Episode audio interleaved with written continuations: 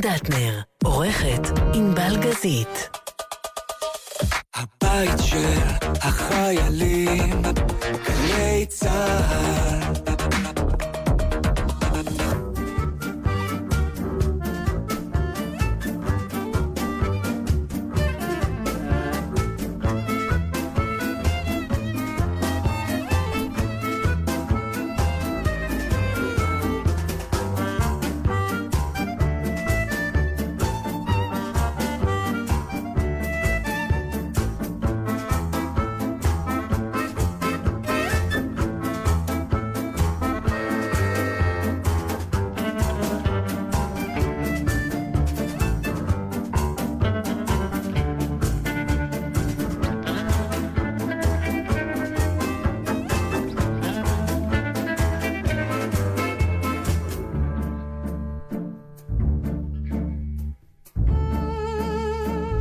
סתם חיכיתי לכינור, אנחנו כבר uh, שנים פה.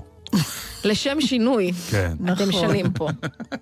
אבל אתה רוצה שהמאזינים יקבלו את החוויה כתמיד, שלא יפתיע אותם שום דבר. נכון שהתרגלו שאנחנו מגיעים תמיד בשנייה האחרונה, ובעצם אין לנו הרבה מה להגיד, ואז אנחנו קצת uh, ממציאים uh, נושאים.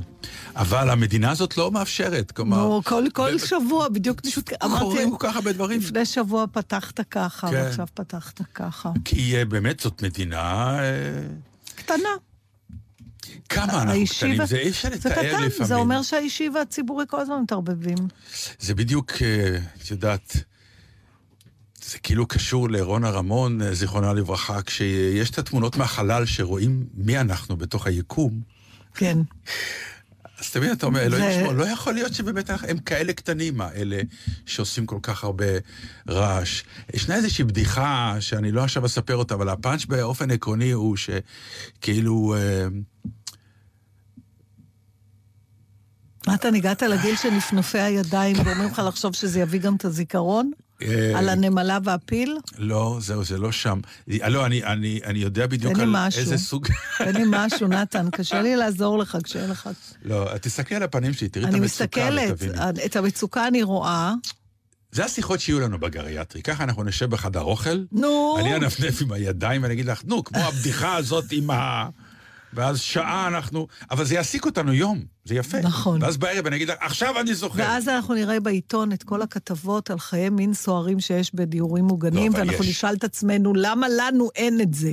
יש. יש, תשמעי, אני טוב. אה, צילמתי עכשיו. אה, בקיצור, ביליתי יום שלם באתר צילום שהיה כזה מין, לא רוצה להגיד בית אבות, כי כבר הם לא, לא נקראים. ככה, אבל באמת, עכשיו, זה בתי מלון מהודרים נכון, ברמות ש... סיפ- אתה דיברת איתי אחרי זה ממש בקנאה, אמרת לי, אני רוצה לעבור לשם. לא, זה, זה באמת, יש, יש שם כמה חללים של דירות יוקרה ברמות עיצוביות, שלא פלא שחיי המין מתעוררים שם.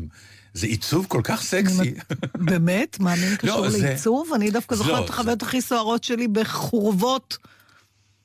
נו, המין כשהיינו צעירים, מתוק שלי. בסדר, לא אז תמיד לא היה לאגג'רי, ואני לא זוכרת שזה אבל למה... פגם. כן, לא, אני לא אומר שזה פוגם. בגילנו אנחנו צריכים... הרבה מאוד תנאים אנחנו צריכים להגיד. אבל אז אתה רק רוצה שקט, לישון. הוד, הדר, אוכל טוב. יוקרה. יוקרה. אחרת... אז למה לטרוח אחרי כל הטוב הזה? למה לא פשוט להירדם בנחת? אבל באמת, כזאת מדינה אה, אה, קטנה, כלומר, זה באמת... תראי לי עוד מדינה שבה השרים של הממשלה מפגינים נגדה. זה אני לא ראיתי. אני- לא תגיד, ראיתי את התופעה לי- הזאת. אני מודה שזה עבר לי קצת ליד האוזן. כי זה נראה לך הגיוני ולא, לרגע. לא, חשבתי שזה זה, אה, כמו משהו סרקסטי. מה, זה באמת היה? מה, באמת אתה יכול היה. לתת לי קצת, נורא סליחה, פשוט, אולי יש עוד מאזינים. כן, ש- בגלל המצב הביטחוני, אז הייתה מה שנקרא הפגנה של הסקטור המתנחלי, לצורך העניין הפוליטי, מול בית ראש הממשלה. כולל לה- חברי כנסת? שאז באו חברי, לא חברי כנסת, באו שרים בממשלה. הם לא, אסור להם להפגין? אני לא יודע, אז? זהו, אז הם באו והבקיעו, כאילו, אה, המתנחלים באו ואמרו, אה, תגדילו את הביטחון, אה, תבנו יותר, את יודעת, המדיניות של המתנחלים, שאפשר להבין אותה מבחינתם, והם באים, מה שנקרא, להפגין. בסדר, אבל... הם הפגינו, מה שנקרא, נגד הממשלה, כי הם טוענים שהממשלה לא עושה כמצוותם. כן. אוקיי? יפה. אז בגלל שזה שנת בחירות, אז כמה שרים וחברי כנסת הבינו שהם צריכים גם לקחת חלק כן, בדעתם. כי זה ציבור המ- המצביעים שלהם. כן. אז הם באו גם להפגנה ונאמו, לא תגידי, עמדו שם ואמרו, אנחנו איתכם, אבל בשקט. ומשם הם נכנסו לישיבת הממשלה. זה באמת לא, זה מסוג מזכיר לי... הבדיחות הכי נפלאות שאפשר היום להגיע מבחינה פוליטית במדינה המטר וחצי הזאת. יש מצב שהם גם ידיחו את עצמם? את יודעת, אחרי מה לא? שראיתי עכשיו, זה יכול לקרות. זה רק עניין של, אתה עובר כיסא, עובר מיקרופון, חוזר חזרה לכיסא ויוצא מהדלת. הוא אפילו יקרא, נגיד, לסדרן שיוציא אותו בכוח. שיפנה אותו. כן. צריך כנסת של אדם אחד. יש. כנראה. טוב. אז uh, בעניין של רונה uh, רמון, זיכרונה לברכה, מעבר לכמובן לכל הדברים שדיברו על האישה הבאמת כנראה מופלאה, המופלאות היא, היא, היא, היא uh, שמנסים כאילו לבוא ולהגיד, לא, לא נדבר על זה הרבה, אבל המילה איוב uh, צצה. כשאתה- כן, היא דחתה את זה, היא לא רצתה את הכותרת הזו. כי היא באמת לא, היא לא, היא לא רצתה, אבל אה, לא הבנתי, אה, כלומר, זה מסוג הדברים שאתה אומר, איך בן אדם יכול לחיות את הדבר הזה, ואז בפעילות שלה אתה הבנת. יש אה, במקרים כאלה של, של מה שנקרא סוג של אה, אבל אה, בלתי נתפס, שהחיים אמורים להיראות כחסרי טעם יותר, ורק מחשבות אובדניות כנראה צריכות לצוץ. אתה מבין שעכשיו יש לך את האופציה או לבחור בזה, ואז החיים שלך כבר סגורים והם הולכים לקראת מותך, או באמת לצד השני. כלומר, אין, אתה לא יכול לחיות חיים רגילים יותר. זה כנראה ברור. ואז העניין של משאבים, לאן אתה מפנה אותם. ובאמת, מבחינה זאת, זה, זה היה מאוד ברור, וכנראה גם מאוד נכון, שהיא הלכה לצד ההוא של מה שנקרא, אה, החיים הם הדבר החשוב, והילדים שנשארו בשבילם אנחנו צריכים להמשיך הלאה, וגם, מה שנקרא, אה, לשים יד לזיכרון למי שהלך, ודרך זה להקים קרן ולהפעיל אני חושבת, אבל, וללכת. אתה יודע, השאלה היא, האם יש, טמון בכל אחד, תראה, מה שקרה לרונה רמון, עקרונית, לא באותה דרך, אבל בסופו של דבר, מבחינת אובדן יכול לקרות לכל אחד מאיתנו. נכון? פשוט אצלה היה בזה איזה מין אה, קיצוניות מבחינת התרחישים. אתה יודע, בחלל, לא לחזור מהחלל, והתרסקות עם מטוס F-16. כן, יש אה, האובדן- ילדים או- שאיבדו יכול- הורים בתאונה. נכון, או- נכון. אסונות באמת אסונות. שאי אפשר עכשיו, לספוג אותם. מה שאני תוהה, Mm. ואני חושבת שכן, אבל מעניינת אותי דעתך, אה, האם אנחנו נולדים בהתחלה שלנו עם מה שנקרא האופי, בסדר? אה, עם הכנה לבחירה הזאת שבחרה רונה רמון. של ל- ללכת עם, כלומר, מה שהיה מיוחד בעיניי בה היה שהיא לא התכחשה לצער הזה. כלומר, היא לא אמרה... את שואלת, מה, אני שואלת השאלה האם אנחנו המבנה- ב-DNA האישי בנויים לזה או לא, זה עניין באמת, לא כל אחד. לא כל, אז זהו. ברור. האם אתה צריך שיהיה לך אישיות ברור. מסוג מסוים כן. כבר, גם אם אין אסונות, כדי שכשהם יגיעו, זאת תהיה הבחירה שלך. חד וחלק, לפי דעתי. בכלל, כל החיים. או שאתה פתאום זה צץ. תראי, זה נורא מעניין מה שאת שואלת, כי אני יכול עכשיו, נגיד, לנסות לדמיין אותך, לאור זה שאני מכיר אותך מאוד כן. טוב, בסיטואציות מסוימות. כן. לבוא ולהגיד, אוקיי, לפי איך שאני מכיר אותה, לפי ה-DNA שלה, לפי דעתי, במקרים קיצוניים כמו 1, 2, 3, 4, את תתנהגי 5, 6, 7. אני יכול היום. כן, אני יכול היום להאמין שזה מה שאת גם תעשי. בדברים נורא קיצוניים. כן. ל- כי הלוא מה שקרה לה, אה, הוא לא דבר שגרתי. ובאחד הראיונות שלה היא אמרה שאסף היה מכה מתחת לחגורה. עכשיו, היה בה משהו נורא צברי ברונה, וגם. אני קצת הכרתי אותה באופן אישי, גם זה מצחיק, אתה יודע, היינו נפגשות ליד אימא שלי ברמת חן בחנות ירקות, ומקטרות על הילדות הצמחוניות שלנו. כאילו, ואתה עומד מולה, ומשהו בראש זוכר עם מי את מדברת ומה קרה לה, אבל מדברים, הכל סבבה. והיא אפילו אהבה זה כל פעם מזכיר לי את התוכנית שלנו. אה, באמת? לא כן, ידעתי. כן, כן. יו, איזה כן. יופי, אישה עם טעם. אבל... אה, כן. לא, אבל אני אומר, זה תמיד נורא מצחיק אותי, הפגישות האלה זה כמו הפגישות עם ההוא עם ה- שיש לו פאה על הראש, אנחנו כל פעם אומרים שהוא אומר לך אהלן, מה שלומך, ואתה אומר. בשקט, יש לך זה פאה. עבר אחרי דקה. בסוף כן. את, את עומדת ואת מדברת, אה, אבל השיא היה, אני זוכרת שיצאנו פעמיים, שאני הייתי עם הסטנדאפ אחרי ההרצאה שלה. עכשיו... על מה היא הייתה עושה את היא הייתה ההרצאה? מרצ... היא, הייתה לה הרצאה על, אה, על אה, קימה מתוך אובדן ומתוך כאב וחיים, אתה יודע, איך ממשיכים, איך צומחים מתוך הדבר הזה, כולל סרטונים על אה, אילן ועל... אה, עכשיו, נו, לכי תעשי סטנדאפ אחרי זה, תמיד הייתי צועקת עליה, למה את הורסת לי? אבל זה, היא אמרה לי, תתפלאי, הם יצחקו יותר, והיא צדקה. כי, כי נכון, החיים נכון. בסוף זה זה. אה, אבל אם נחזור ל, לשיחה, אם יש משהו בנו ש, שיכול, ל, תראה, אני חושבת שאנחנו מדברים פה על מה שנקרא טעם, לתת טעם וסיבה לחיים שלנו, שהחיים לא יהיו סתמיים. עכשיו, אתה נדרש ל... ל זה ל- המהות של החיים בכלל. כן, אבל רובנו, עד שלא קורה לנו משהו רע, בדרך כלל, אתה, אתה פשוט חי. אתה לא מסתכל מבחוץ פתאום על החיים שלך, אתה לא עומד בנקודת בחירה. ואני זוכרת, אני אולי צריכה למצוא את השיר הזה, חברתי עמליה, ארגמן ברנע, שקרה לה אסון גדול כשהייתה מאוד צעירה, ובנה בנה, שלוש וחצי, נהרג בתאונת דרכים. והיא היא כתבה, היה לה ספר שירים, כמה ש, ספרים שהיא הוציאה, והיה לה שיר אחד שקראו לו אופציה, שהיא מדברת על, הייתה לה אופציה על השולחן למימוש אחרי שהילד שלה נהרג, וזה בעצם ל, לשים קץ לחייה. כן. והיא כאילו ידעה שהאופציה הזאת שם, והיא בדקה אותה כל יום מחדש. מה שרובנו לא עושים, אנחנו חיים, אבל פתאום כשקורה משהו נוראי, שהכאב יותר גדול מה... שהחיים אז- מאבדים את הטעם, כן. ברור. כן, שאתה, או שהכאב הוא בלתי נסבל, ואז אתה נדרש פתאום להסתכלות אחרת על החיים שלך, ו, ולעשות מה שרונה רמון כנראה עשתה, זה להחליט על סיבה כן להמשיך. אז- אנשים עושים את זה גם, את יודעת, עם נכון, מחלות אה, נכון, איומות. נכון, וכאלה כמו שלא. הסרטן למיניהם, נכון. שבאים ואומרים, אוקיי, הסרטן שינה את חיי. יש כאלה שמגזימים, הסרטן היה המתנה של חיי, כי פתאום הבנתי שאני בזבזתי את חיי על שטויות, ובעצם קיבלתי פרופורציה אחרת על החיים, ואני מבינה מה שנקרא עיקר וטפל, ותגידי שוב את המשפט הנפלא הזה. הוא, הוא ידע להפריד בין עיקר וטפל, ובכל זאת בחר בטפל. ש- שזה באמת 80% מהאנשים שאני מכיר. אז אני אומר, אה, תמיד יש לי את האמירה המטופשת ברגעים האלה, שאני אומר, בוא נעבור כל חודש פעם אחת רק להציץ לחדר מיון וללכת. כלומר, תמיד לקבל את הפרופורציה הזאת שאומרת, בכ- החיים שלך יש להם כנראה כן יותר משמעות אפילו ממה שאתה בעצמך נותן להם, לאור העובדה שרק בעניין של, המון פעמים זה עניין של השוואות. אנחנו תמיד אומרים, אה, היא הולכת עם חברות קצת מכוערות כדי שיחשבו שהיא יפה.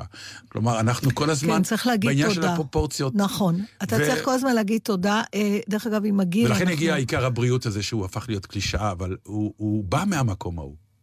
הוא בא מהמקום אבל שבאמת הבריאות, שתבין שזה לא דבר מובן מאליו. ואנחנו מתייחסים לבריאות כאל דבר מובן מאליו עד שמגיע האסון. יש אה, אחד הרגשות שאנחנו... תודה לאל, לא באמת, אתה לא מכיר אותו על באמת עד שלא קורה לך משהו רע, זה צער. פשוט המילה צער. ואיך אתה חי עם צער? תמידי כל הזמן. כי אתה יודע, אני לא... אה, תחשוב מה, החיים. כאילו שמחה לא יכולה לעשות אה, משהו אחר בתפיסת העולם שלך? רק כאב? אומרים השמחה שהאומנות נגמרת, מגיעה... זה השיר אומר. העצב אין לו סוף. לאושר יש ויש. כן, נכון, אבל הבעיה שעם אני לא... הצער אתה נשאר לחיות והשמחה אני חושבת חולפת. שמה אז אולי ש... באמת צריך לשנות את זה, ולקחת גם את השמחה למקום שכדאי לשמור עליה, ולא לאבד אותה. אבל, אבל זה, קודם כל, יש קשה את זה, יותר, זה קשה יותר, זה קשור, אה, אתה יודע, תמיד כשאני רואה את הברסלבים המקפצים האלה ליד זה חלק עזריאלי, מהניסיון הזה. אז בדיוק, אבל אם אתה לא במין אה, צורת אמונה, חי בצורת אמונה כזאת, אה, אתה יודע, עוד פעם, הכל יחסי, והצער הוא כשמשהו נלקח ממך. היא כן, גם דיברו על זה עכשיו, שהיא לא, מי אמרה? מישהי אמרה את זה עליה, אני כבר לא זוכרת, שהיא לא התכחשה לצער. זה מה שהיא לא אמרה, אני... היא, הצער היה שם כל הזמן. היא דיברה על הכאב, היא דיברה על האובדן, היא לא לרגע ניסתה להגיד שהחיים, אתה יודע שזה מתמעט, זה לא מתמעט. זה היה שם כל הזמן, והיא הלכה עם זה. זה מה שמטורף פה. שהיא חיה עם הדבר הזה, עם צער כזה מתמיד, בלתי פוסק. אמ, טוב, צר לי, ואני מאוד מצטער להגיד לך שמיצינו את הנושא אבל הכאוב הזה. אני כן רוצה להגיד, ואני רוצה שתשימי את השיר הזה, כי הוא פשוט מדליק. נכון, כן, אבל אני אותו? כן רוצה להגיד למאזינים שלנו שאני חושבת שאם היה דבר, נגיד, בהנחה שהיא כן שומעת את התוכנית עכשיו, Mm. אז אני חושבת שהדבר שהכי הכי היה משמח אותה, ואני מצטערת שלא עשינו את זה עד עכשיו, זה לשמוע שיר של הבן שלה, של טל רמון, שהוא מוזיקאי, ואולי אנחנו נסיים את התוכנית עם שיר שלו. עם השיר של טל. אה, אפשר עכשיו? יש? דמות? אוקיי, אז... אה, אה, חשבתי של העצב. אז זה אנחנו... מה שאתם רוצים, כל. אחד מהם עובד. אנחנו רוצים, בואו נתחיל עם השיר שטל רמון כתב, אה, מהאלבום הראשון שלו, אולי היחיד עד עכשיו, אני לא לגמרי יודעת, הוא צעיר. אה, השיר נקרא דמות. אה, עוד פעם, אם אתה שומע את השיר הזה ואתה לא יודע מי זה טל רמון, אז אתה יכול לחשוב על כל מיני דברים. מאחר ואתה יודע, אז יש משמעות מאוד מיוחדת למילים. מסע להחזיק בי דמות מול צלקות עכשיו כשהטבע נובט השמיים נצחיים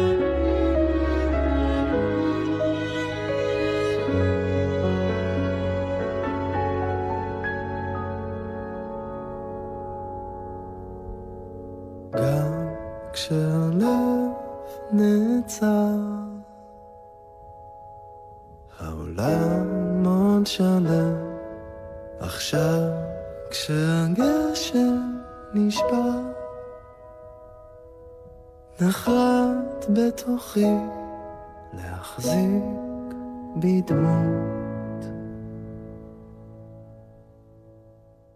שנקרא גמר באקורד פתוח.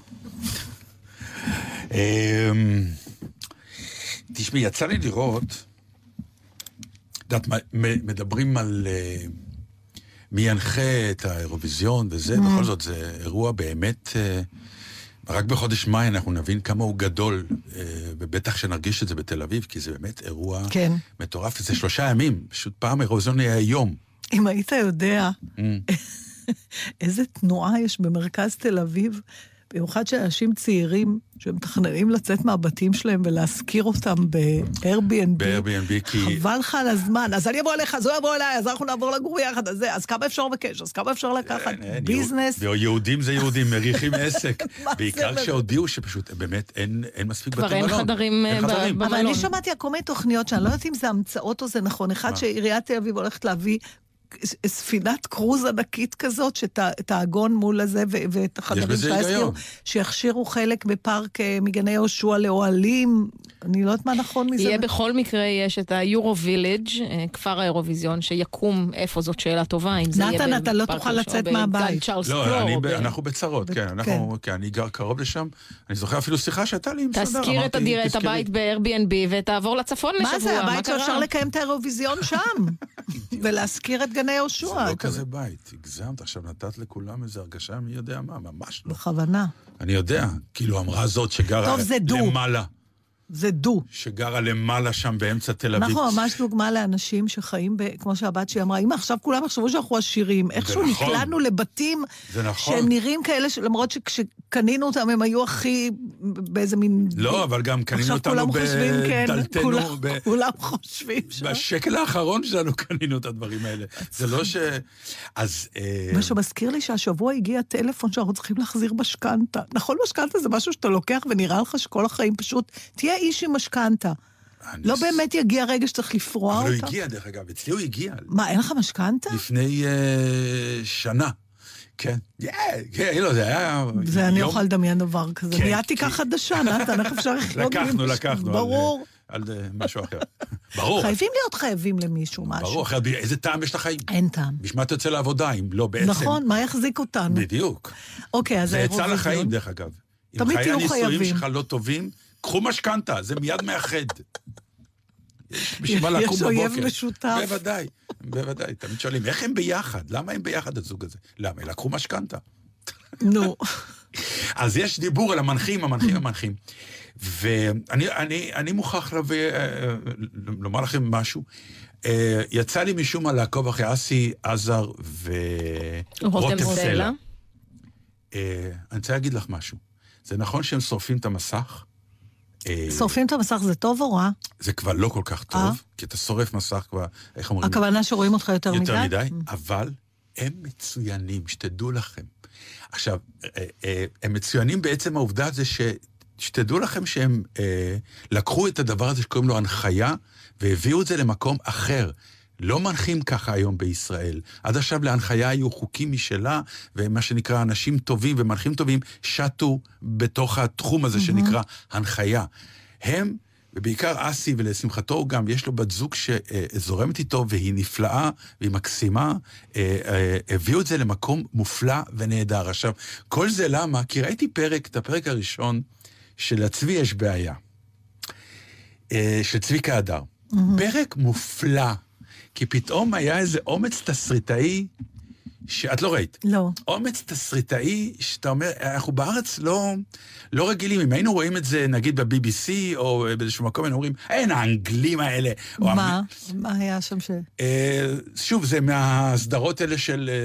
אה, הח- כאילו על החיים, כן, וזה שלא. נהדר בעיניי. אני חושב שהם... כל עוד... זה כמו שאת פעם אמרת, אה, שפעם שאלו אותך, מה את מספרת בסטנדאפ כל הזמן על בעלך, אה, על כן, בעלך? ב- לבעלך לא אכפת. כן, שאת- ובעלך לא אכפת, ואת ענית את התשובה המופלאה, אמרתי להם, זה היה רק בעלי, היית צוחקת. בדיוק. ו... יש שם את הקטע שצביקה אה, חי את החיים האלה של מה שנקרא, אה, אסי עזר החליף אותו פה, מחליף אותו אה. שם, ובאיזשהו שלב אה, מודיעים לו שהסדרה שלו לא עולה, כלומר, לא מקבלת עוד עונה, וכי מספרים לו שכבר לא רוצים יותר על החיים של, על החיים של נשבר הז'אנר, נשבר מהעסק, ואז הוא הולך עצוב הביתה והוא מקבל הודעה שבמקומו תהיה סדרה שאסי עזר כתב על עצמו. עכשיו, הוא יושב שם בבריכה שלו בבית, ובאמת, אני כל כך מכיר את זה מהמקצוע, שאתה יושב בבית, נגיד, ורק בתחום שאף אחד, רק אתה והמשפחה, והוא שואג, שימות, אסי עזר. שימות! מה שאני מאחל לו זה שימות! באמת, מהעצבים של מצאו לך מחליף ואתה, אין לך יותר קיום. נו, יש לך את ה... ואז הוא מקבל הודעה שאסי עזר מת. זה מה שיפה בתסריט. נספר מאחורי הקלעים, אגב, שהתסריטאי של הסדרה הזאת, אורי גרוס, כן. אה, התכתב כשהם התחילו לעבוד על העונה השנייה, או עוד לפני שהוא התיישב לכתוב אותה, עם אסי עזר בוואטסאפים, ואסי עזר אמר לו, תהרוג אותי. תהרוג אותי, הוא נתן. לו אישור, הוא שיתף עם זה פעולה לגמרי. מה זה שיתף פעולה? יש תמונה של הלוויה, וההורים של אסי עזר, בפריים. ההורים האמיתיים שלו. כן, כאילו קוברים את. הבן שלהם במה שנקרא אריכות ימים בלי עין הרע, אבל משהו ברעיון שהמשאלה שלך, שהאומן שכנראה לוקח את מקומך, שימות, כי באמת אלה רגעים שאתה אומר, יואו, אני לא רלוונטי יותר, והוא גרם לי להיות לא רלוונטי. הוא. אתה רוצה שהוא ימות. את לא מכירה את ההרגשה הזאת? אני רצחתי כבר סרט... כמה. אה, אני רצחתי כמה. אתם זוכרים. איזה סרט אה, קומדיה שחורה כזאת? מי זה, הקסין טרנר? לא, שהיא רוצחת. אימא סדרתית קראו לזה, שהיא רוצחת את כל מי שהיא חושבת שעושה איזה עוול למישהו מהיקרים לה. היא ממש רוצחת אותם פיזית, המורה למתמטיקה של הבת שלה, את ה... כל מי ש... אז זהו, אנחנו לא שם, אנחנו כן במקום שצביקה הדר היה, שאתה מאחל ואתה לא מאמין שזה, ופתאום האיחול קורה, שזה, עכשיו, גם, אתה הולך עם רגשי אשמה, אתה אומר, זה בגללך. המשפחה, האישה אומרת, היית רואה, אתה רואה? אסור היה לך לאחל, תראה, האיחול, האיחול קרה. אבל משהו באומץ הזה, וזה מדליק כן. שגם אסי עזר כאילו הדליק את הרעיון, וההורים שלו משתתפים בזה, באמת, אני יושב, ישבתי והייתי נפעם מהאומץ, מהכיף, מה, מללכת כבר מה, מהסיפור הרגיל, ומשהו שאתה באמת נורא רוצה, ואתה לא מאמין לעצמך שאתה באמת מאחל את זה, אז אתה אומר, טוב, וזה, אף אחד לא... אני סתם אני אומר שהוא ימות, אני לא מתכוון. אתה ואז הוא מתכוון. מת. אז כן, היו לך איחולי מוות ל... כן. כן. כן, אני מכירה את ההרגשה הזאת, אבל אצלי זה דווקא לא קשור למקצוע. לא, זה לא חייב להיות כן. רק למקצוע, אבל במקצוע נכון, שלנו... לפעמים, סליחה, לפעמים... יש את ההוא שמחליף אותך. איך אתה, תגיד את זה עוד פעם? יש לך תמיד... שיש חמישה מין- זמנים כן. בחייו של שחקן. מי זה נתן דטנר? תשיגו לי את נתן דטנר? תשיגו לי מישהו כמו נתן דטנר? תשיגו לי נתן דטנר צעיר? מי זה נתן דטנר? יואו.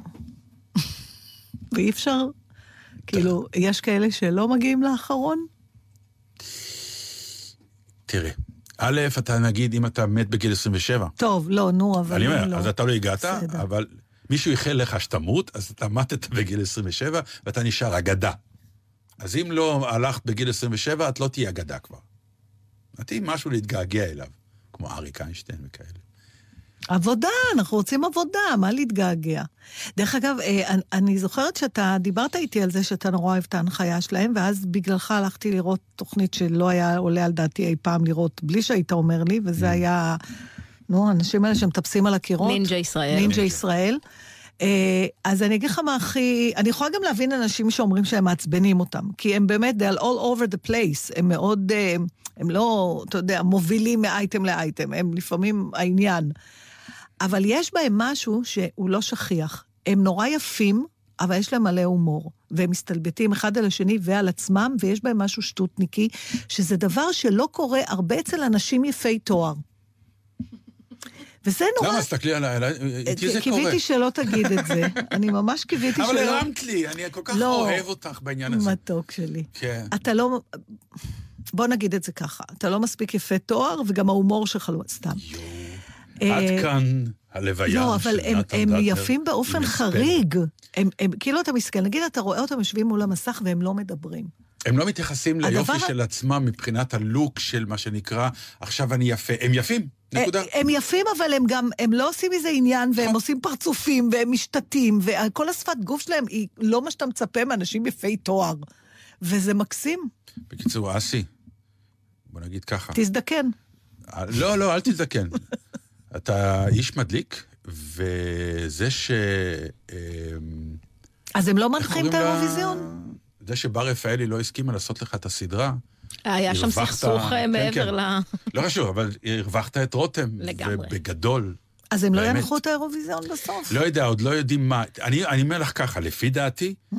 נגיד אסי ורותם, בהחלט, יש הרי באירוויזיון אה, כמה ז'אנרים של הנחיה. יש את ההנחיה הרשמית מול המסך, אה, ויש בחדר ההלבשה. ויש את האלה בחדר. עכשיו, אלה תמיד שנמצאים בגרין רום, בחדר של המשלחות? הם כאילו אה, אה, עושים שמח. ברוב האירוויזיונים, כל המנחים נכשלו בקטע הזה, כי אין להם את זה.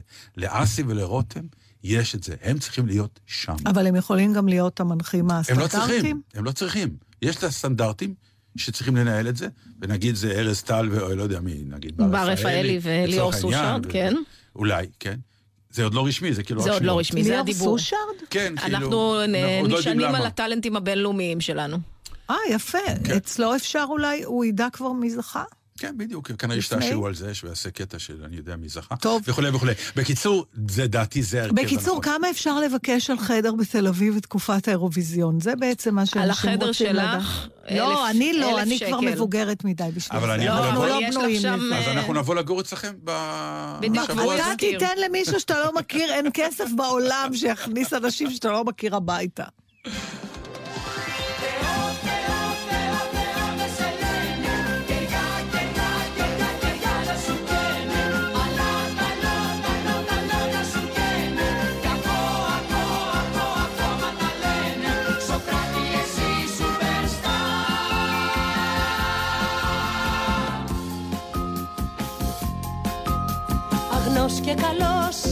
Πρώτος Χριστός. Σοκράτη εσύ superstar. Με κάπα ζητιάνου γυρνούσες Και στα σπρα σου γένια πουλιά. Τριγύρω λαός και εσύ Άγιο Φως. Σοκράτη εσύ superstar. Για αγάπη και φως τους μιλούσες.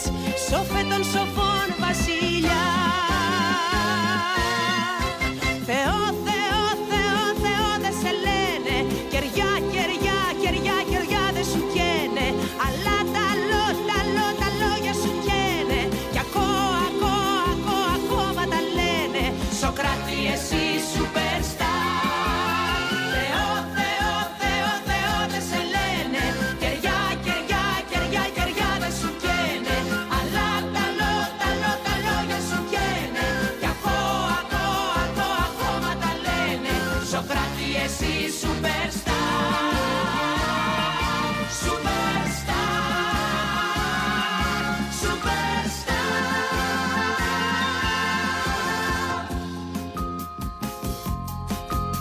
Πιλάτος λαός σου πήρε το φως.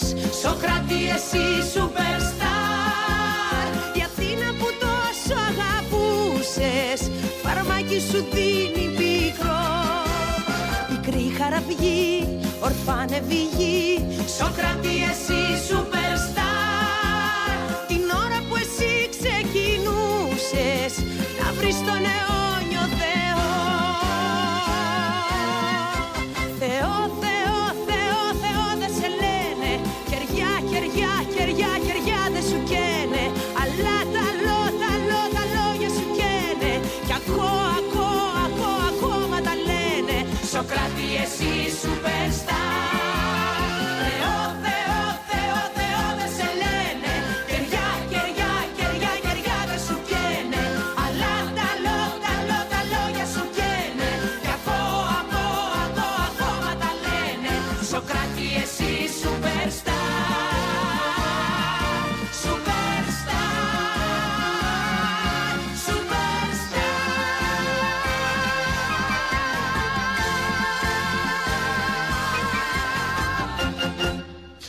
בתור חובב אירוויזיונים ובוגר אחד מהם, אני מוכרח להגיד לך משהו. השיר הזה, מדליק. הוא לא רק שהוא מדליק.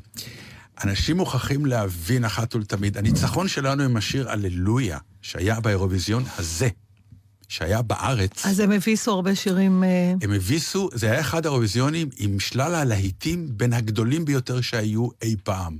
כלומר, תמיד באירוויזיון יש מלא גרבג' גרבג' גרבג', שיר אחד לא רע ושיר זוכה. באירוויזיון הזה היו כמעט למעלה משישה או שבעה שלאגרים מטורפים, ובאמת לנצח באירוויזיון כזה, זה לא היה בשום פער, זה היה פשוט בגלל הטרגדיה של המשלחת הספרדית שנאלצה להצביע האחרונה, כשהשיר שלה צעד במקום הראשון, והם נתנו עשר או 12 נקודות לשיר שלנו, וככה הם הקיפו את עצמם. מה אנחנו שומעים? מה שומע, מה אנחנו שומעים? חברים, זה לא ממני. מאיפה זה בא? אני לא יודעת. מה זה, הטלפון? כן. נתן, זה ישות שיש טלפון שיתחיל לנגן ולשיר. אוי, זה נהדר. לא, זה לא יאומן. והייתם בטוחים שזה אני, ואתה לא מצליח לעצור את זה גם. לא, כי. אנחנו עם. אוזניות. לא, הנה, זה עוד מנגן, משהו מנגן. לא עצרת דבר. לא, נתן, אתה מפחיד אותי. זה סושארד. לא היית צריך לדבר כל כך הרבה על העשייה הזר, היינו אוי, צריכים זה לדבר... נהדר! זה זה הפסיק, נכון? עכשיו זה הפסיק. אני יכולה לא, להבין, כמו מה זה היה גם? אני כמו הזקנים בהצגות, נכון? שהם לא יודעים לא לנתק. לעצור כן. והיד שלהם רועדת, והם אומרים, ואתה מסתכל מהבמה, וכל הקהל מסתכל עליך, ואתה לא יודע איך לסגור את זה, זה מה שהרגשתי עכשיו.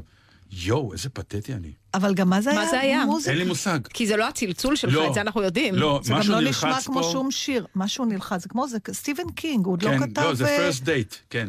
Take off your pants and jacket. זה... איך אתה מדבר אליי? אבל זה זה. אה, נלחץ על המוזיקה, כן. טוק מה- דרטי טו מי, אתה זוכר בדג ושמו וונדה. תקשיב, כן. משהו, כן. עכשיו אנחנו נדבר על, אני נותנת את הקרדיט לאייטם לענבל, שמדי פעם שולחת לי כל מיני כתבות על דברים לא מעניינים. אה, דברים כן מעניינים, כאילו. אז לא, הם לא, אבל את עושה אותם, מעניין, נו. לא, לא, זה מעניין, זה מעניין. מה שכן. עוד מעניין זה שאני פשוט, אני מאיזושהי סיבה רציתי להדפיס את זה, וזה כנראה תרגם לי לעברית. אתה מכיר את המתרגם טוב, זה? תרגומים בלתי אפשריים. לא, אין. אז יש פה משהו כמו למשל, אני מצטער אם זה עושה לי פתית שלג, כשאני תוהה למה לעזאזל הכוונה במשפט מה המקורי. היה המילה באנגלית? אבל אין לי מושג, אני אה, קיבלתי... אין לי האנגלית? את הקונטרה האנגלית. אז אני עכשיו קוראת כל הזמן שהיה שיר, ואמרתי, על מה? לא, אז זה כן מספר על... זה דווקא נושא מעניין. אמ, את תקבע. מספר, אה, מספר... כאילו, מה זה השקט הזה, נו? היא הייתה צריכה לתרגם לא, חזרה כתוב לאנגלית. דני וואלאס, אני לא יודעת, זה כנראה זה שכתבת. את מוכנה לא לבוא. מוכנה לאייטמים ולא לקרוא לא, אותם לא, זה עכשיו תוך כדי. שאנחנו שומעים זה אותם? מוכן, נתן, זה אייטם כבר מלפני חודשיים, פשוט שכחתי. שכחת אותו. אוקיי, אמ, לורד רוברט ווינסטון ישב אה, על רכבת נסיעה מ, אה, ב, באנגליה, והתעצבן. עכשיו, הוא התעצבן משהו שאנחנו מכירים, שישבה מולו אישה, אמ, ודיברה בטלפון, בלי הפסקה.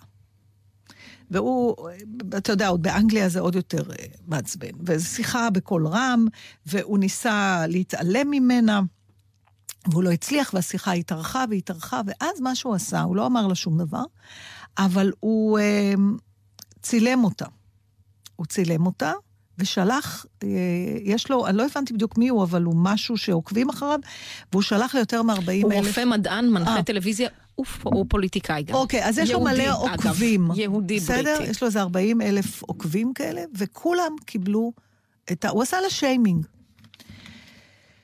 עכשיו, כשהרכבת אה, הגיעה ל, ליעד, היעד. הוא... וכמובן שהוא אמר ש-how rude, how rude, כמה זה גס מצידה, אבל כשהם הגיעו לרציף, חיכו שם מלא עיתונאים שקיבלו את התמונות האלה שהוא שלח, את הצילומים שלה, ו... ו... ואימתו אותה עם השיימינג הזה, התחילו לצלם אותה ולהראות לה ולראיין אותה, כי הם, אתה יודע, כבר נהיה הוא אייטם. הפך אותה לאייטם, נו. ואז היא אמרה עליו, how rude. זאת אומרת, היא תיארה את מה שהוא עשה כגסות, כמו שהוא תיאר את מה שהיא עשתה. עכשיו, מה שאומר הדני וואלאס הזה, שהוא הרעיונאי של כל האייטם הזה, זה שהוא אומר שאנחנו אנחנו חיים בעידן של גסות רוח, נוראית, שהמייצג הכי גדול שלה הוא ללא ספק טראמפ. כלומר, זה ממש הוכחה על מישהו שהוא גס רוח, במובן זה שהוא אומר מה שהוא חושב, מנבל את הפה, מדבר באלימות על כל מיני נושאים שיקרים מאוד לליבם שלו. אין politically correct, ואנחנו יודעים מה הכוונה בגסות רוח, ואנחנו חיים בעידן הזה היום. אבל ההתנהלות שלנו איתה, עם הגסות רוח, היא לא, היא לא נכונה. כי הוא אומר שכשאתה נתקל בגסות רוח, הדבר הכי נכון לעשות זה פשוט להגיד לבן אדם מולך, אתה גס רוח. במקום זה, אנחנו לא מגיעים לשום אינטראקציה איתו. אנחנו רק מתעדים אותו ומביישים אותו, מה שגורם גם לנו להתנהג בגסות רוח דומה. ואז זה מין מעגל כזה, זה לא באמת... בוא מפ- נגיד שאני לא לגמרי מסכים איתך בדבר אחד. את לא יודעת אם הוא ביקש ממנה והיא סירבה. זה מה שאתה צריך לדעת. למה? לא, רוב הסיכוי שהוא לא... אני לא יודע, זה מסוג הדברים שאתה אומר, אני זוכר איך את היא בת אה, נסערת מהפלאפונים בקרון השקט. אבל נכון. והערת למישהו, נכון. והוא העיר לך בחזרה, ושם הייתה גסות רוח לא, אמיתית. מי ש... כן, אבל רוב הקרון ישב בשקט, ומישהו ישר הוציא טלפון וצילם. כלומר, יש משהו יותר נוח לנו לתעד דברים... העניין הזה... לא, ש... כי החוצפה, החוצפה שלה, שאתה, תראי, יש חוצפות שאתה חסר אונים. שאתה חסר אונים מולם, נכון? אוטו חותך אותך ואתה אומר, אם, אם היה אפשר והיה מותר ולא פוליטי להיכנס בו מאחורה, נ- היית עושה את זה. נכון. מכיוון שאין לך את הכלי הזה, יש לך את הכלי של השיימינג. אבל זה לא... אז זה נכון כאילו, אבל מה שמציע דני וואלאס זה הסבר אחר. מה? והוא מדבר על האלמנט של הנקמה. נכון, מה אמרתי אומר, עכשיו? אבל כן, זאת אבל- הנקמה, אתה אומר, אני אכנס אבל בו ואני אהרוס לו את האוטו. אתה לא מיטיב עם העולם כשאתה נוקם. אני לא רוצה להיטיב, אני רוצה כן, להוציא את אתה, ה... או, אז, אז תשמע, אז הוא נותן הבחנה נורא מעניינת. הוא אומר שנקמה זה תופעת לוואי מעניינת של גסות רוח. עכשיו, הוא נותן דוגמה מתי אתה לא עושה את זה. למשל, אם מישהו שודד את הבית שלך, אז הרצון שלך הוא לא לשדוד את הבית של זה ששדד אותך, נכון? הרצון לא, שלך זה אותו. לגרום להם להרגיש... להרוג לא, אותו. אתה אומר, אתה רוצה צדק. אבל כשמישהו גס רוח אליך, אתה לא רוצה צדק, אתה רוצה נקמה. זה בדיוק ה... זה, זה, אני חושבת שזה כי. יש כלים. הנה, אבל לא, הנה, זה, בעיניי זה בדיוק זה העניין. קשור לחוסר לא, כבוד. נכון. אתה רוצה, נכון, אבל, אבל לא... אין לך כלים להתמודד עם זה. כשמישהו חוצפן אליך, אתה, המון פעמים אתה אומר, אני ספיצ'לס, אני, אני לא יודע, הוא, הימם אותי בזה שהוא אמר לי משהו שהוא כל כך היה חוצפני אליי, שלא ידעתי מה לענות לו. אז אין לך את הכלים. אז הכלי שאתה רוצה להשתמש בו הוא נקמני. זה נכון, כי אבל ברגע שאין אתה לך... בוחר- אתה לא יכול ללכת למשטרה להגיד, הוא נורא התחצף אליי ואני יודע שהוא יקבל את העונש. זה הצדק. בדברים האלה הצדק לא, לא, קיים. אבל אתה יכול... אה, ל- מישהו גנב אותי, אז אני- יש הלורד האנגלי צדק. לא העיר לה. אומר דני וואלאס, הוא כן היה צריך, אתה צריך פשוט, אם מישהו עומד אה, מולך, אתה רואה מישהו שעושה משהו שנחשב כגסות רוח, זה לא פשע, היא לא גנבה לך שום לא, דבר. לפעמים גסות רוח יותר, יותר אין איומה. בעיה, אתה צריך להגיד, כ- כאדם עם אחריות, אתה צריך להגיד, אולי תפסיקי בבקשה. ואם, ואם היא לא מפסיקה? אבל, אבל בוא לא נגיע לאם היא לא. אנחנו אה. היום חיים בעידן שאנחנו אפילו לא מגיעים לאם היא לא. אתה לא מנסה בכלל, אתה מתעד בגלל ואתה שעברנו שם. את השלב הזה כבר, היינו בו. אני כל כך מזדהה עם? זה. כן. היינו בשלב שהיינו לא מבקשים, חושבת. היום תבקש ממישהו, כי למעלה מ-50 אחוז, לפחות אם לא יותר, לא יענו לך, או יענו לך בזלזול, או, או יסתכלו עליך כי, בבוז. כי זה מעגל כזה, אבל אם אתה... תראה, הוא נתן פה סיפור נורא נחמד. Mm-hmm. זאת אומרת, השאלה האם אתה יכול להתמודד עם גסות רוח בלי להיות גס רוח בעצמך, זאת לא. בעצם השאלה. אז, לא. אה, זה- אני אומר לך, אני מרגיש בגוף. שלי... שלא? לא, לא, לא. כי, אני אגיד לך משהו, באמת, יש משהו בגסות רוח, שגם אתה יכול להיות גס רוח, אבל אתה החלטת שכבן אדם זה לא יאה לחברה ולטוב שבעולם, אז אתה אומר, אני אתנהג בקודים שהם לא גסי רוח, כי העולם אמור להתנהל ככה, כי ככה יותר נעים. ואז בא מישהו ושובר את הכלל הזה, ואתה יודע שאי אפשר להעניש אותו, כי אין פה חוק של מה שנקרא טוב או רע מבחינת אה, דין צדק. והוא שובר את הכלי ומשתמש בגסות רוח הזאת, ולפעמים משיג אפילו יותר ממה שאתה רוצה, כמו אותו אחד שעוקף אותך בתור וכל הדברים האלה, שהדבר היחיד שנשאר לך, מכיוון שאין לך שום כלי אחר להשתמש נגדו, זו הנקמנות. יש לך. יש לך. אין לך. אתה יכול להגיד לו, אני מבקש ממך להפסיק, אני מבקש... אבל הוא לא לי- שומע אותך, אנחנו היינו בשלב הזה. מי היה בשלב הזה? הרבה, אני, המון פעמים, כבר הייתי בשלב ש... אני לא אחזור שוב על הסיפור של המכות שחטפתי בגלל שמישהו זרק עליי, אה, רק לפני שתי תוכניות סיפרתי אותו. אתה, קחי את העניין של תור, נו. אפילו אה, תור של אה, פקק במכוניות, או תור ב, ל, אה. לקופה, או בתור בסופר. שמישהו עוקף אותך ואתה רואה שהוא רוד, והוא באמת עשה משהו חוצפני, אתה חסר אונים. הקופאית לא יודעת מה לעשות, מנהל הזה, ואז כמה פעמים אמרתי, אדוני, אתה עוקף בתור, ואז אחת. אם הוא נחמד, אז הוא היה אומר לי, אה, לא, לא, רק שני, אה, שני דברים. אני באמת, וסליחה ותודה, ושני דברים, והוא עושה את זה אוקיי. נחמד.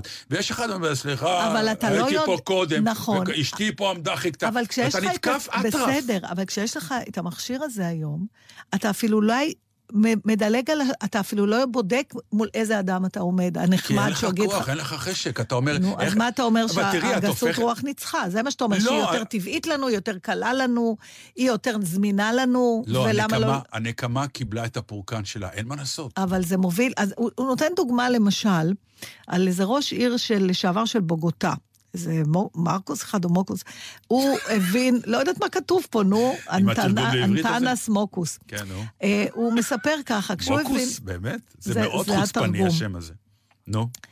אז הוא מספר שכשאנשים חונים בלי... אה, שההתנהגות בעיר שלו הייתה בגסת רוח. בשפל, אתה יודע, אנשים חנו איפה שלא בא להם, הם נכון. רבו, צעקו, התקוטטו על כל מיני... אז הוא שכר צבא של פעמונים, מין צבא של, אה, לא פעם, של פנטומימה, סליחה. אז הוא לקח פנטומימיים, והם אה, לבשו כאלה מין אה, בגדים אה, מסורתיים כאלה. עכשיו, כל פעם שמישהו, הם, הם פשוט הסתובבו ברחוב, מלא מלא מלא, וכל פעם שראו מישהו שמתנהג באופן, אה, בגס רוח, הם פשוט היו עומדים מאחוריו ומחקים את ההתנהגות שלו בפנטומימה. שזה דרך אגב תרגיל נורא מעניין בליצנות, אולי אני אספר אחר כך עושים, למה. עושים אותו, למדתי קיים. פעם כן, כן. בליצנות, יש ליצנים שעושים את זה למחייתם, בכל נכון, מיני כיכרות ב- נכון, באירופה. שנעמדים, אני אפתח... הם הולכים אחרי אדם ועושים את חיקוי בדיוק. עכשיו, אני אפתח. רגע סוגריים כדי שיבינו מה המכניקה של הדבר הזה של ה... טוב, זה אולי אחר כך, כי זה נושא אחר. עכשיו, הם היו עומדים ומחקים בדיוק את האנשים האלה, ו... ואז ה... ה... כל הציבור, זאת אומרת, בעצם הבן אדם שהתנהג לא יפה, מצא את עצמו מוקף אנשים שמסתכלים איך מחקים אותו מתנהג לא יפה. זה כמובן נורא מצחיק. באיזשהו שלב הוא נאלץ כנראה גם לצחוק עם כולם, או הוא בטוח הבין איך הוא נראה, גם אם זה לא הצחיק אותו.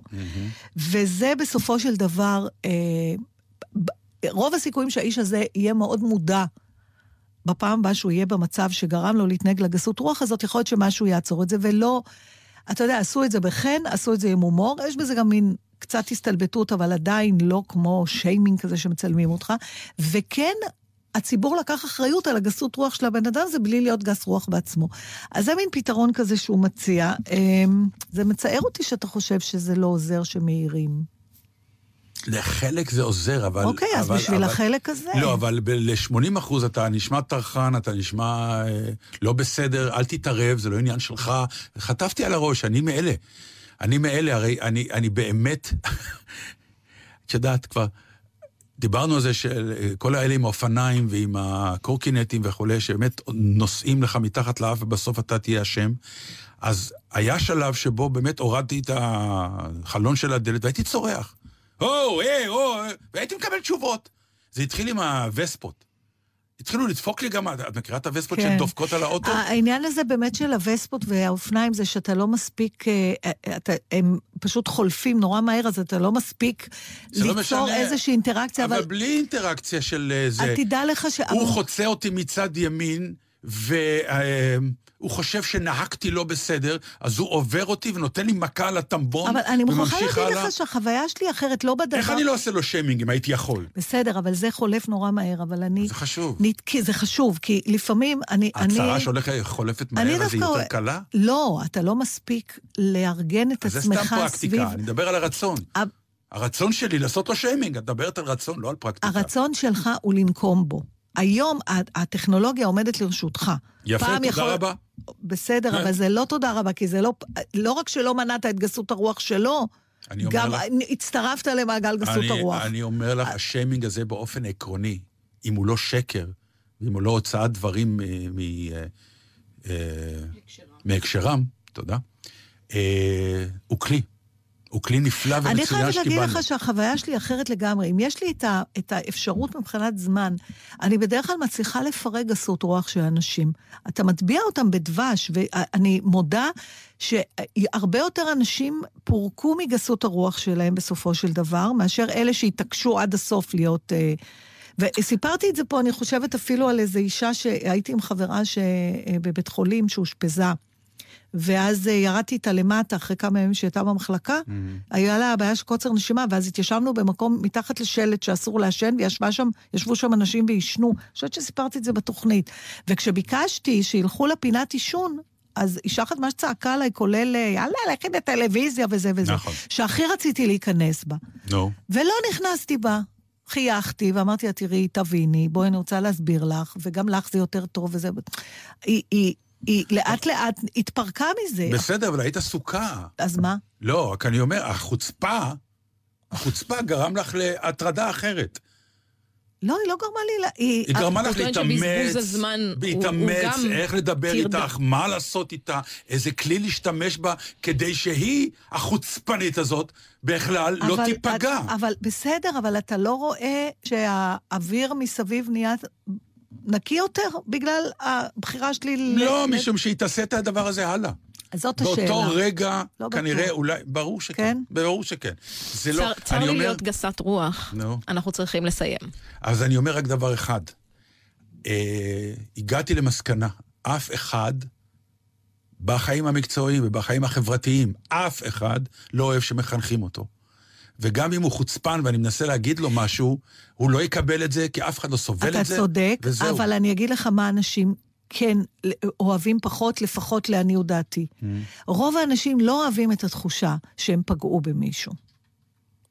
לדעתי. רוב, רוב, אבל רוב קטן. הם כבר. פוגעים. הוא הולך אבל ומתמעט. הם, הם שמחים לסגת מזה אם אתה נותן להם סולם, בעיניי. אבל טוב. אמונה יפה, אני, אני מודה שאני לא שם. אני לא חושב. העולם תודה. פה נהיה אכזר. תודה די, לכם. הנה, את רואה איזה אכזרית היא? משהו. אמרתי, אבל אני התנצלתי שאני עומדת להיות גסת. רוח. טוב, טוב. אז בפעם הבאה אני אספר לכם על התרגיל הזה בליצנות. אולי נדבר בכלל על ליצנים, זה נושא מעולה. שבת שלום.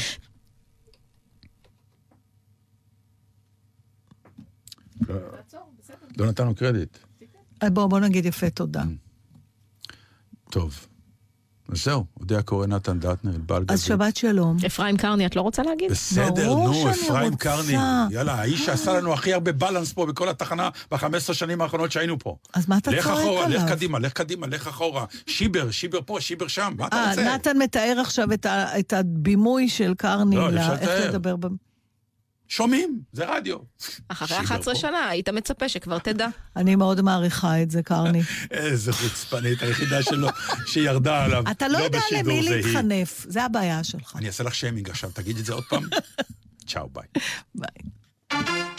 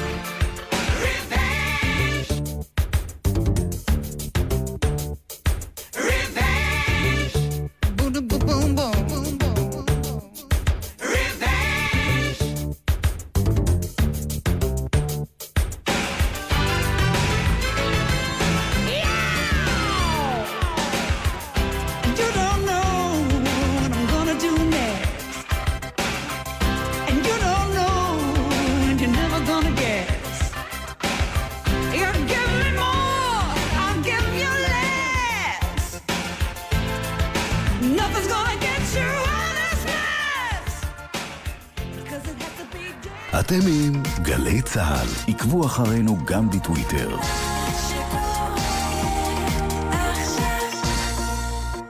זה קורה עכשיו במוזה, מוזיאון ארץ ישראל תל אביב. עדות מקומית, התערוכה לצילום עיתונות עולמי וישראלי עד 2 בפברואר. עדות מקומית, במוזה, מוזיאון ארץ ישראל תל אביב. שימו לב, התערוכה פתוחה ברציפות בשלישי, חמישי ושבת עד 10 בלילה. הורים יקרים שלום, מדבר יוסי בן שמחון, ראש ענף הבטיחות בדרכים בצה"ל. במשך כל השבוע אנחנו מתאמצים לשמור על הבנים והבנות שלכם, כי בטיחותם חשובה לנו. סוף השבוע בפתח והם בדרכם הביתה. הם יצאו לבלות, להתאוורר, לנקות את הראש, ואנו מבקשים מכם לעזור להם לעבור את זה בבטחה כדי שיוכלו ליהנות גם בשבוע הבא. עתודה אקדמית, של מצוינות. תלמידי י"ב, חולמים להצטיין? מצוין. מעוניינים לשלב לימודים אקדמיים עם שירות צבאי כקצינים? גם מצוין. אז בואו אל כנסי המידע וגלו מסלול שיאפשר לכם להתקדם לתפקידים מובילים בצה"ל, בתעשייה ובהייטק. הכנסים יערכו במהלך חודש דצמבר באוניברסיטאות ברחבי הארץ. פרטים והרשמה באתר ובדף הפייסבוק של העתודה האקדמית של צה"ל. עתודה אקדמית, בחירה של מצוינות. אתמול חצה ילד את הכביש במעבר חצייה, ונהג שלא נתן זכות קדימה כמעט דרס אותו. מחר זה עלול להיות הבן שלכם. תודה לאלפי שומרי דרך, שבזכותם זה לא יקרה. המתנדבים במיזם שומרי הדרך מתעדים בזמן אמת עבירות תנועה מסכנות חיים, והן מדווחות לרלב"ד ולמשטרת ישראל. עד היום נקנסו והועמדו לדין אלפי נהגים עבריינים. הורידו גם אתם את יישומון שומרי הדרך של הרשות הלאומית לבטיחות בדרכים, ויחד נילחם על החיים של כולנו.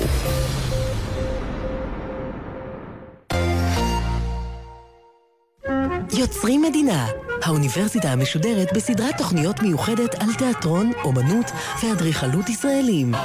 איך סייע התיאטרון ביצירת סיפור לאומי חדש? כיצד מתמודדת האומנות הישראלית עם טראומות העבר? ובאיזה אופן עיצבה האידיאולוגיה הציונית את השיכון הציבורי? האוניברסיטה המשודרת בסדרה מיוחדת. מהשבוע הבא, ראשון עד שלישי, שמונה וחצי בערב, ובכל זמן שתרצו ביישומון גלי צה"ל.